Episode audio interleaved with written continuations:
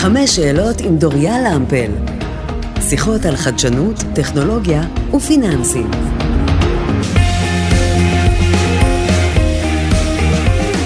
שלום ותודה שהצטרפתם לפודקאסט חמש שאלות על חדשנות וטכנולוגיה בעולמות הפיננסים. לי קוראים דוריה למפל, ובכל תוכנית נארח את אחד או אחת מבכירי לאומי, ובעזרת חמש שאלות מפתח ננסה להבין לאן צועד ענף הבנקאות, שלא מפסיק להשתנות, ואיך השינויים האלה צפויים להשפיע על המשק הישראלי, וגם עלינו, לקוחות הקצה. בפרק הזה נדבר על עולם השירות ועל האופן שבו פיתוחים טכנולוגיים מסייעים לשפר את חוויית הלקוח. האורח שלנו היום הוא שמוליק ארבל, משנה למנכ"ל לאומי וראש החטיבה הבנקאית.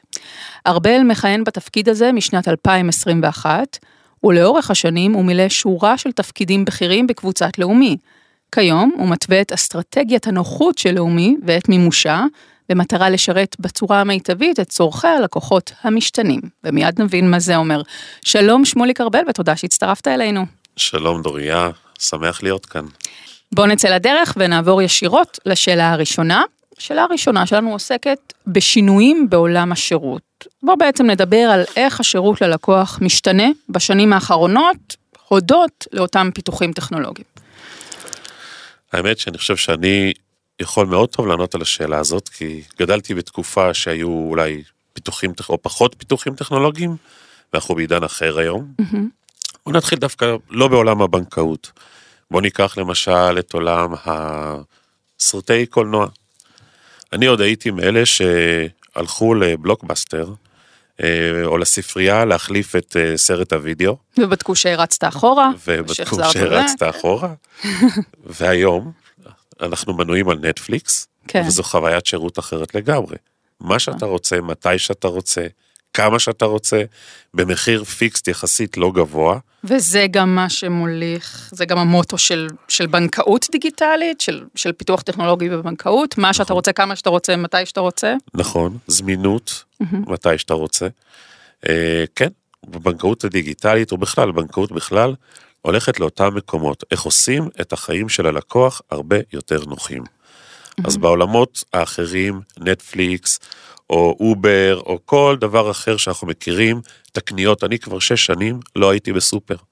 עושה את זה באפליקציה, מאוד מאוד מרוצה מזה, חוסך לי המון זמן, מאוד נוח. אגב, יש לזה עוד לאן ללכת. אנחנו למשל מקבלים את המוצרים שלנו עד פתח הדלת. Mm-hmm. אני כבר יודע שבוולמארט יש שירות שגם מסדרים לך את זה בתוך המקרר.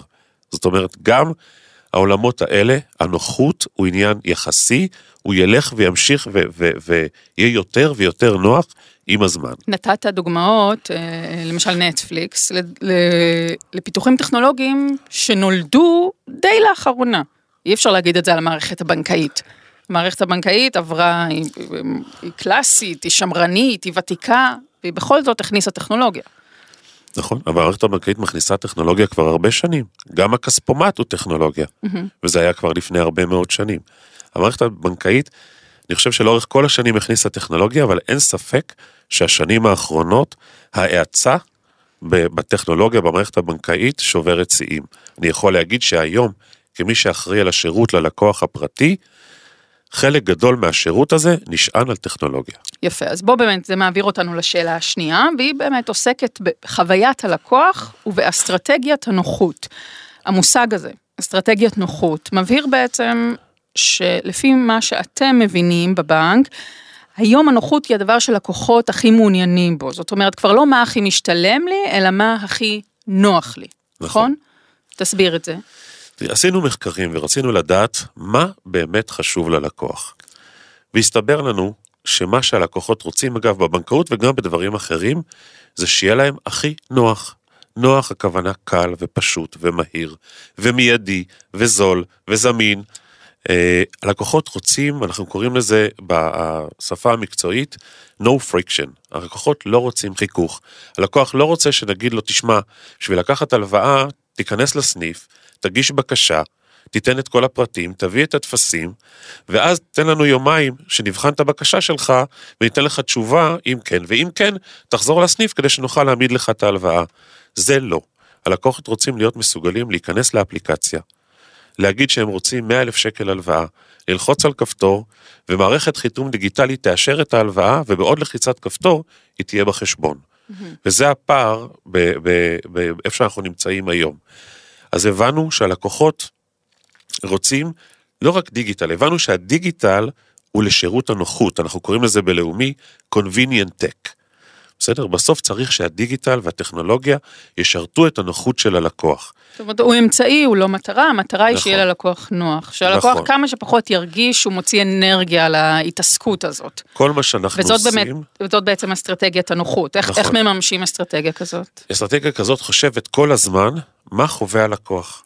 בסדר? אנחנו כל הזמן מדמיינים איזה מסע לקוח הלקוח עובר כשהוא בא לעשות משהו מול הבנק. כשהוא מתקשר אלינו, כשהוא נכנס לאפליקציה, איך הוא מזדהה, איזה שירותים הוא יכול לקבל, כמה קליקים הוא צריך ללחוץ עד שהוא מגיע לשירותים, ואם הוא ניסה לקחת הלוואה באפליקציה ומאיזושהי סיבה זה לא יסתדר, האם מישהו יודע לחזור אליו, כן, ולראות מה הייתה הבעיה ולתת לו את המענה. Mm-hmm. זאת אומרת, אסטרטגיית הנוחות רוצה שללקוח יהיה הכי נוח, כמובן בדיגיטל, אבל לא רק. זאת אומרת, אם הלקוח הוא דיגיטלי ופעם בחצי שנה רוצה להרים טלפון ושמישהו יענה לו וידע לתת לו תשובה במקום, אנחנו צריכים לתת לו את זה. זה לא רק דיגיטל, ומצליחים לתת לו את זה?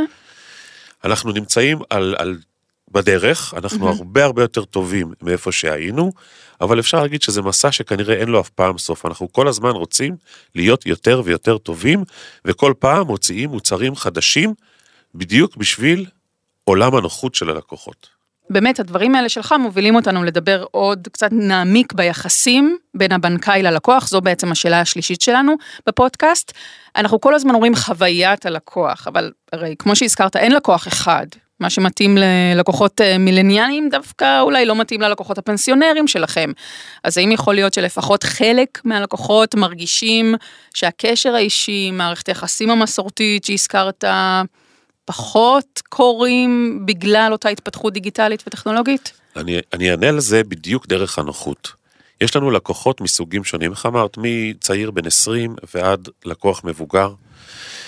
אנחנו צריכים להיות בשבילם בכל אחד מהערוצים, זו האתגר, איך אתה משרת שני מיליון לקוחות במגוון ערוצים שזה דיגיטל וזה טלפוניה, יש לנו שירות שמאפשר לכתוב לבנקאי, וכמובן אפשר לבוא לסניף ולהיפגש עם מישהו בסניף.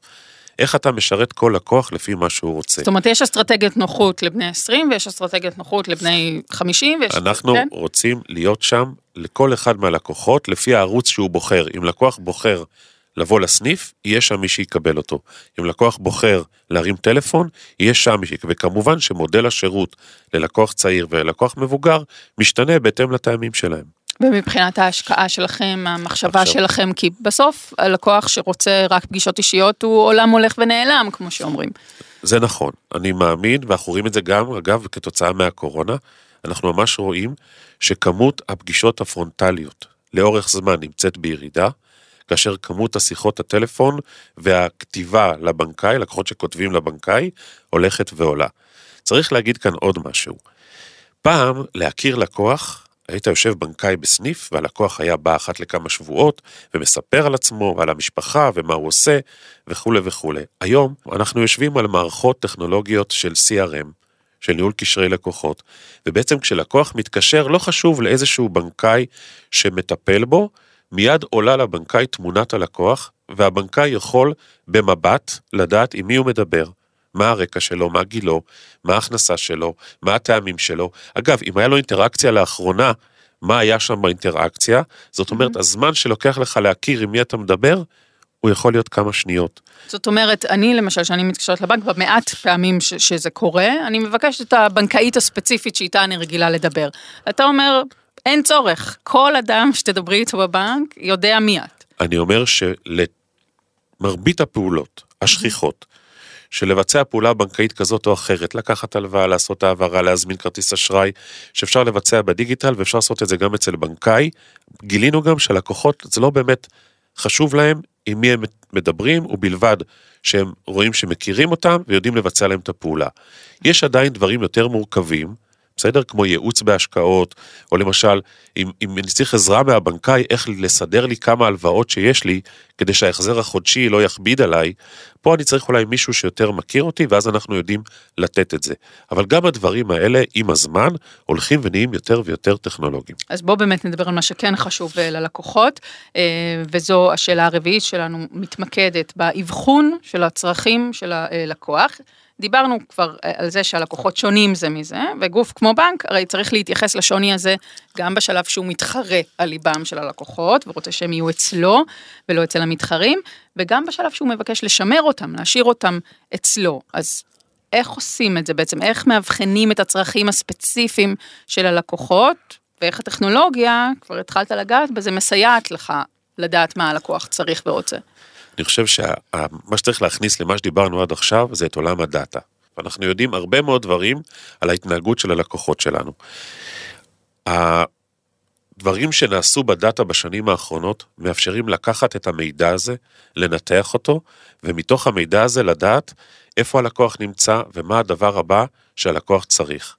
זה יכול להיות למשל בדברים הפשוטים, אה, אם לקוח הגיע ל-90% מניצול מסגרת האשראי שלו, אני פונה אליו היום בצורה ממוכנת, אנחנו קוראים לזה מסע לקוח או customer journey, אני פונה אליו בצורה אוטומטית ואומר לו שים לב, הגעת ל-90% מניצול המסגרת, האם תרצה להגדיל את המסגרת?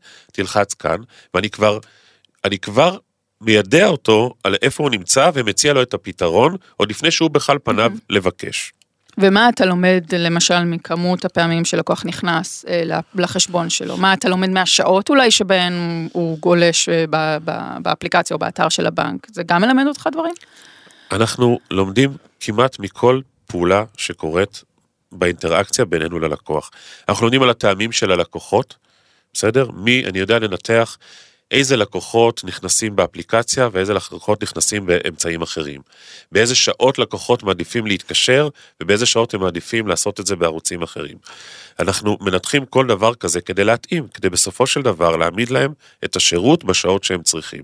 זה עולם שלם ואני חושב שזה הדבר. טוב, בואו אה, אה, נעבור אה, לשאלה החמישית והאחרונה שלנו, על החלק של העובדים, של העובדים בבנק, ב, ביוזמה של מהלכים, ביוזמה של חדשנות. אתה, אמרנו, עומד בראש החטיבה הבנקאית הגדולה ביותר בלאומי, היא מונה אלפי עובדים, אז תספר לנו מה המעורבות שלהם בנושאים כמו חדשנות, כמו טכנולוגיה, ואם יש אולי מהלך שאתה זוכר שהתחיל מיוזמה של עובד והגיע למימוש מול הלקוחות, ממש.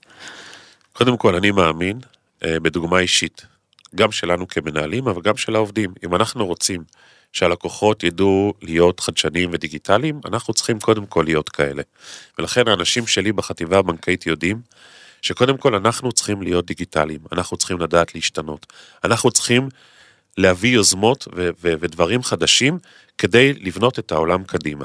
אנשים שנכנסים ויושבים איתנו בישיבות יודעים, כל מי שמשתתף בישיבה צריך להביא משהו חדש, משהו שלא היה כאן קודם. המשהו הזה יכול להיות שינוי של תהליך, יכול להיות מוצר, יכול להיות טכנולוגיה, גם שינויים בתהליכים ולעשות אותם הרבה יותר אפקטיביים וקצרים מבחינתנו, זה גם חלק מהעולם החדש, יחד עם טכנולוגיה שעוזרת לעשות את זה.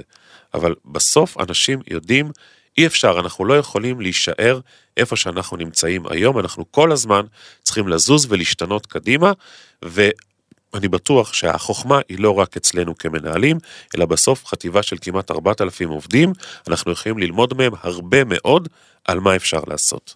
ודוגמה כזו ממשית יש?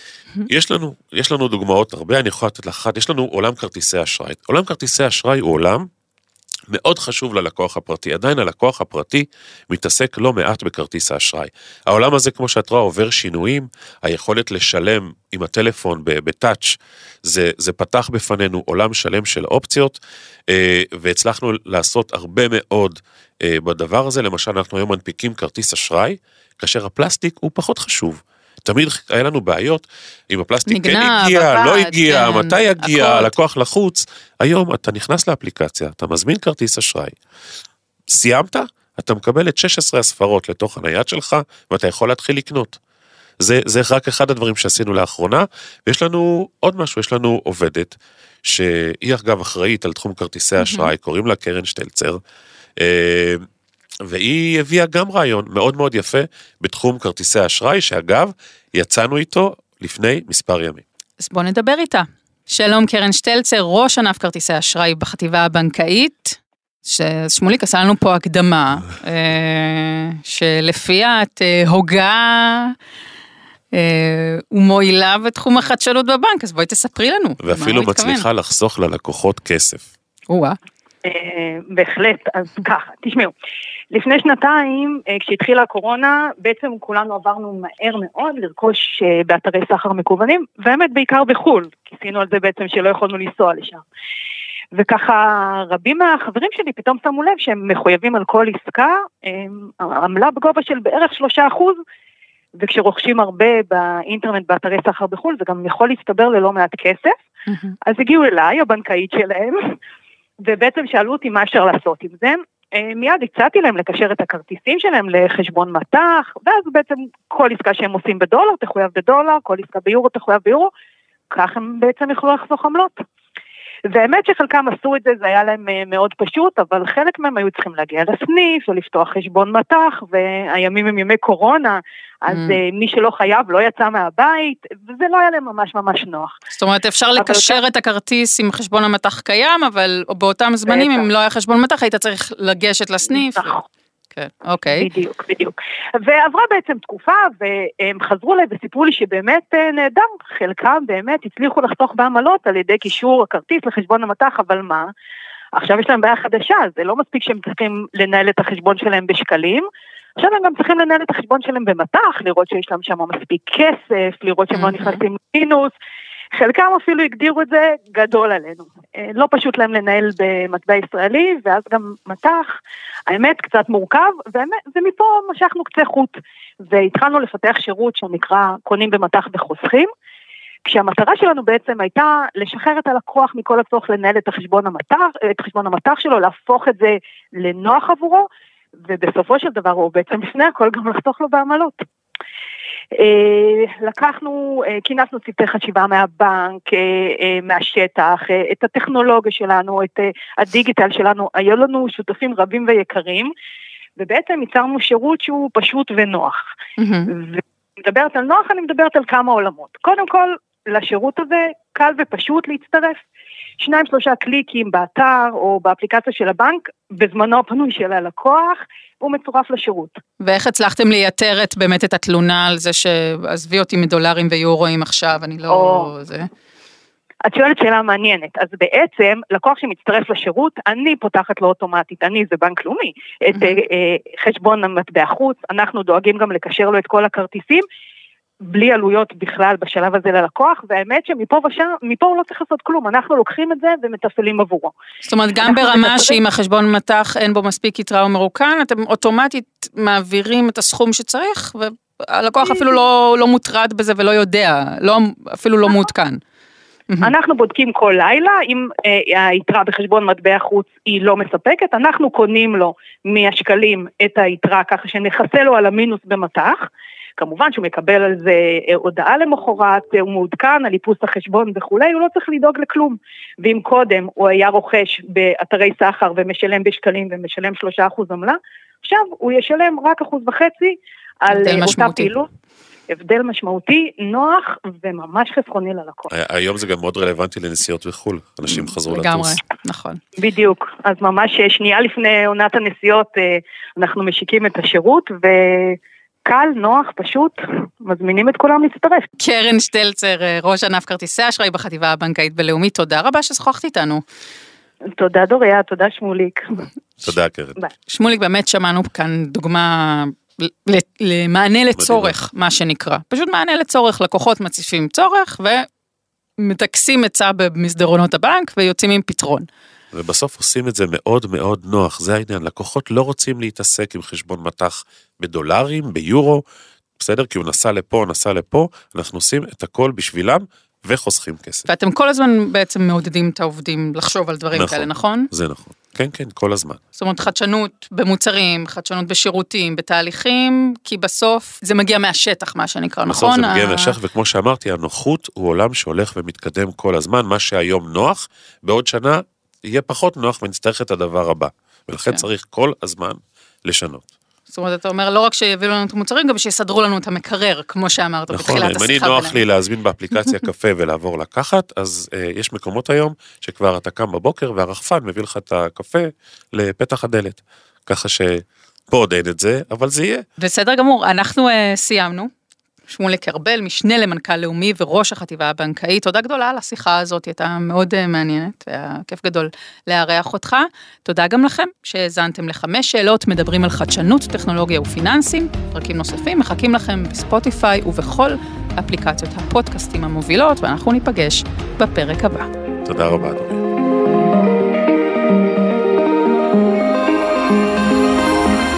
הוקלט באולפני אדיו, המשווקת את ספוטיפיי בישראל.